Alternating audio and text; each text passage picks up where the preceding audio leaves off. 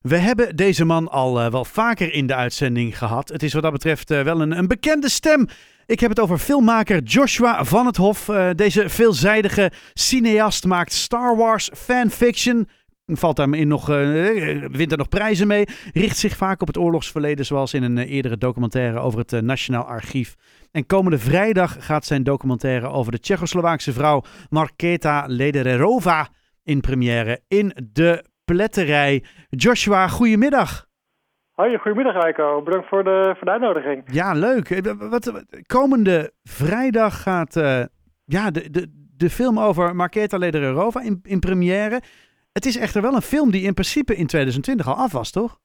Klopt, ja, dat was een eh, originele lange versie van 1 uur en 50 minuten. Mhm. En die was min of meer voor de familie gemaakt. De familie van haar. Ja, precies. Ja. En die had mij namelijk ingeschakeld toen ter tijd om deze film te gaan maken. En ehm, ja, dat was in coronatijd was hij afgerond en dat ging allemaal heel erg moeizaam. Ook met eh, ja, de regels van toen. En er mochten maar 30 mensen in de zaal zitten. Hmm. En ehm, uiteindelijk besloot ik eh, wat later van... hé, hey, ik wil hier eigenlijk gewoon een korte versie van maken... als een soort, eh, ja, een soort director's cut... Mhm. die dan eh, ja, wat beter gaat doen op tv of hopelijk filmfestivals. Ja, Dus wat lekker te kijken. wat slim. Hey, en eh, even voor mij in het kort, hè, want die, eh, deze documentaire gaat dus over Marketa Ledererova. Wie, wie, Ja. of wat is deze dame? Deze vrouw die, is een Tsjechoslowaakse Joodse dame geweest... die uit Praag is gevlucht vlak voor de Tweede Wereldoorlog. Toen het nazisme daar zijn greep kreeg in Tsjechoslowakije. Hmm. Zij was eh, gevlucht uit Praag in 1939. En om onbekende redenen is als huishoudster was ze namelijk... was ze helemaal naar Nederland gekomen... Mhm. En daar een heel nieuw gezin gestart, en een nieuw leven gestart. En haar familie die wist totaal niet wat er precies gebeurd eh, is en hoe ze dat voor elkaar heeft gekregen. En dat heeft ze eigenlijk ook al haar leven heeft ze dat geheim gehouden. En eh, jaren na haar overlijden, eh, in 2016 of 15, is de familie begonnen met een onderzoek om eh, ja, achter antwoorden te komen. En dat was een, een beerput die opengetrokken werd. Dus ze kwamen achter zoveel antwoorden en vooral dat ze bijvoorbeeld Jood zijn. En dat, dat wisten ze helemaal niet. Hmm. En tijdens het onderzoek bedachten ze van... hé, hey, dit moet eigenlijk vastgelegd worden. En toen kwamen ze mij op het spoor om ja, dit dus te doen. En waar heeft deze, deze zoektocht jou allemaal geleid? Uiteindelijk, eh, ja, we zijn dus... eh, ja, ik moet niet al te veel spoilers gaan geven natuurlijk. Maar nee, je hoeft, je hoeft het sowieso- spo- nee, maar gewoon, ik ben heel benieuwd, want je zegt het is een Ja. onderzoek. Ik kan me voorstellen dat je niet alleen maar door boeken bent heen gaan bladeren. Nee, nee. eh, uiteindelijk heb je wel... je begint met enkele documenten. Maar, en dat was voor hun ook zo. Het begon echt met enkele documenten, enkele brieven van toen bij hun thuis. En uiteindelijk leidt dat naar eh, de Rolls Archives in Duitsland. Mhm. Waar eh, ja, echt niet normaal veel documenta- documentatie te vinden is over slachtoffers van de Tweede Wereldoorlog, van de Holocaust. Mhm. En daarnaast zijn we naar Tsjechië gegaan om eh, ook echt de voetsporen te betreden van Marketa. Waar ze is geboren, naar welk weeshuis ze ging en naar welk pleeggezin. En uiteindelijk weer terug naar Praag, van waar ze is gevlucht. Hmm. En dus die hele route hebben we eigenlijk afgegaan. En ik heb de familie gevolgd in een onderzoek. Dus je ziet echt, eh, naarmate je meer te weten komt over haar verleden... zie je ook eh, haar levensloop. Hmm. En uiteindelijk belanden we in Israël. Dat was wel echt de, de, ja, het kroonstuk op, eh, op het hele project eigenlijk. Ja. Wat doet dit met de familie? Ja, de familie heeft echt, een, eh, ja, die heeft echt antwoorden gekregen door, door het hele onderzoek. Dat hebben ze helemaal eh, aan hunzelf te danken. Dat is echt eh, fantastisch werk eh, is ervoor geleverd. En ze zijn heel erg doortastend geweest om achter die antwoorden te komen. En ja, nu het vastgelegd is, zijn ze hartstikke blij. Vooral, zij geven de voorkeur aan die lange versie. Mhm. Want dat is ook wel wat, wat, een wat meer persoonlijkere film Document, ja. voor hun. En deze is wat meer voor de wereld, deze eh, korte versie. Oké. Maar ze zijn ongelooflijk blij met, eh, met het resultaat. Ja. Zijn zij er komende vrijdag ook bij? Nee, ze zijn er niet bij.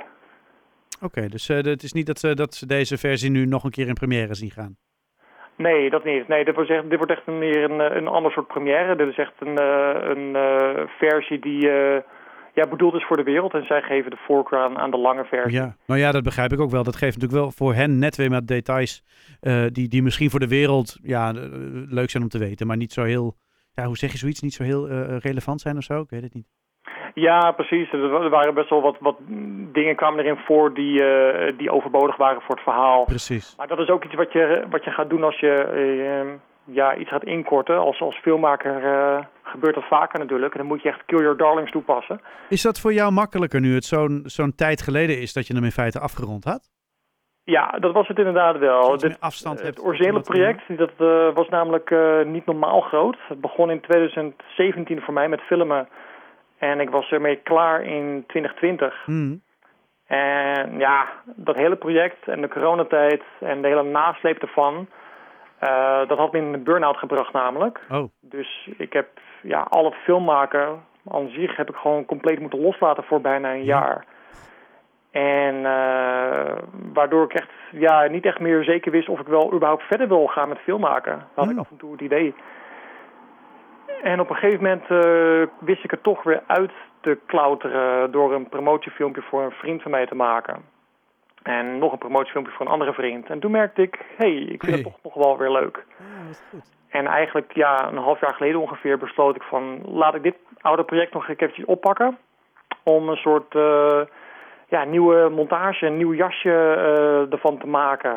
En ja, dat voelde zo goed aan eigenlijk. Ik had er met zo'n afstand, uh, ik had er een heel andere blik op. Ja. Waardoor het ja, echt heel makkelijk werken was. En dat had ik, heb ik nooit eerder gehad. Oh, wat fijn. Nou ja, en ik kan me ook voorstellen dat je nu dan uh, extra trots bent op het resultaat op het moment dat je dit, dit allemaal achter de rug hebt, zeg maar. Het is ook een overwinning ja. op jezelf in dat opzicht. Klopt, ja, het is inderdaad zie ik het zo. Het is echt een soort therapeutische werking geweest ook.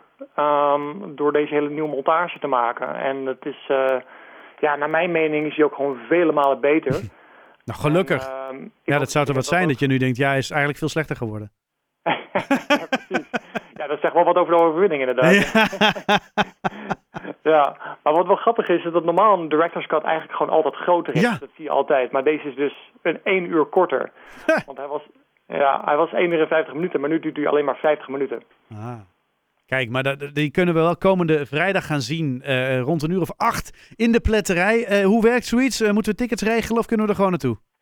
Um, ja, dat is een beetje lastig. Ik, ik zit eigenlijk al een beetje vol. Oh joh! Het, ja, het Ja. is al, um, de, de, de marge is een beetje... Um, uh, de limiet is anders geworden, want het was altijd 75 mensen konden erin, maar nu maar 60. Oh, Dus ik zat al vrij snel vol. Maar ja, er vallen af en toe mensen af. Dus mocht iemand interesse hebben, dan ja, eh, mail gerust Ja. naar, eh, naar mij. En dat Eh, is? Dan, eh, dan, dan kan ik eventjes kijken, dan heb ik een kleine wachtlijst. oh ja.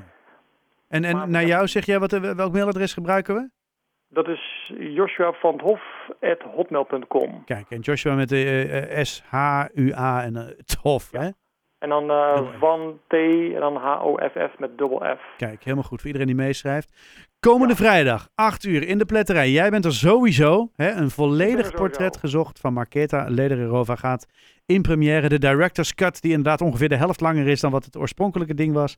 Ehm, veel kernachtiger, meer to the point, eh, maar alsnog een ongelooflijk indrukwekkend verhaal. Joshua, ik wens je heel veel succes komende vrijdag. Heel veel plezier. Hartstikke bedankt, Eiko. En ehm, ik wens je een hele fijne avond, man. Hartstikke bedankt. Ja, mocht er genoeg interesse zijn, dan organiseer ik wel een, uh, een deusjammen. maar dan hou ik op de hoogte. Helemaal goed, dankjewel. Ongelooflijk bedankt. Joe, hoi!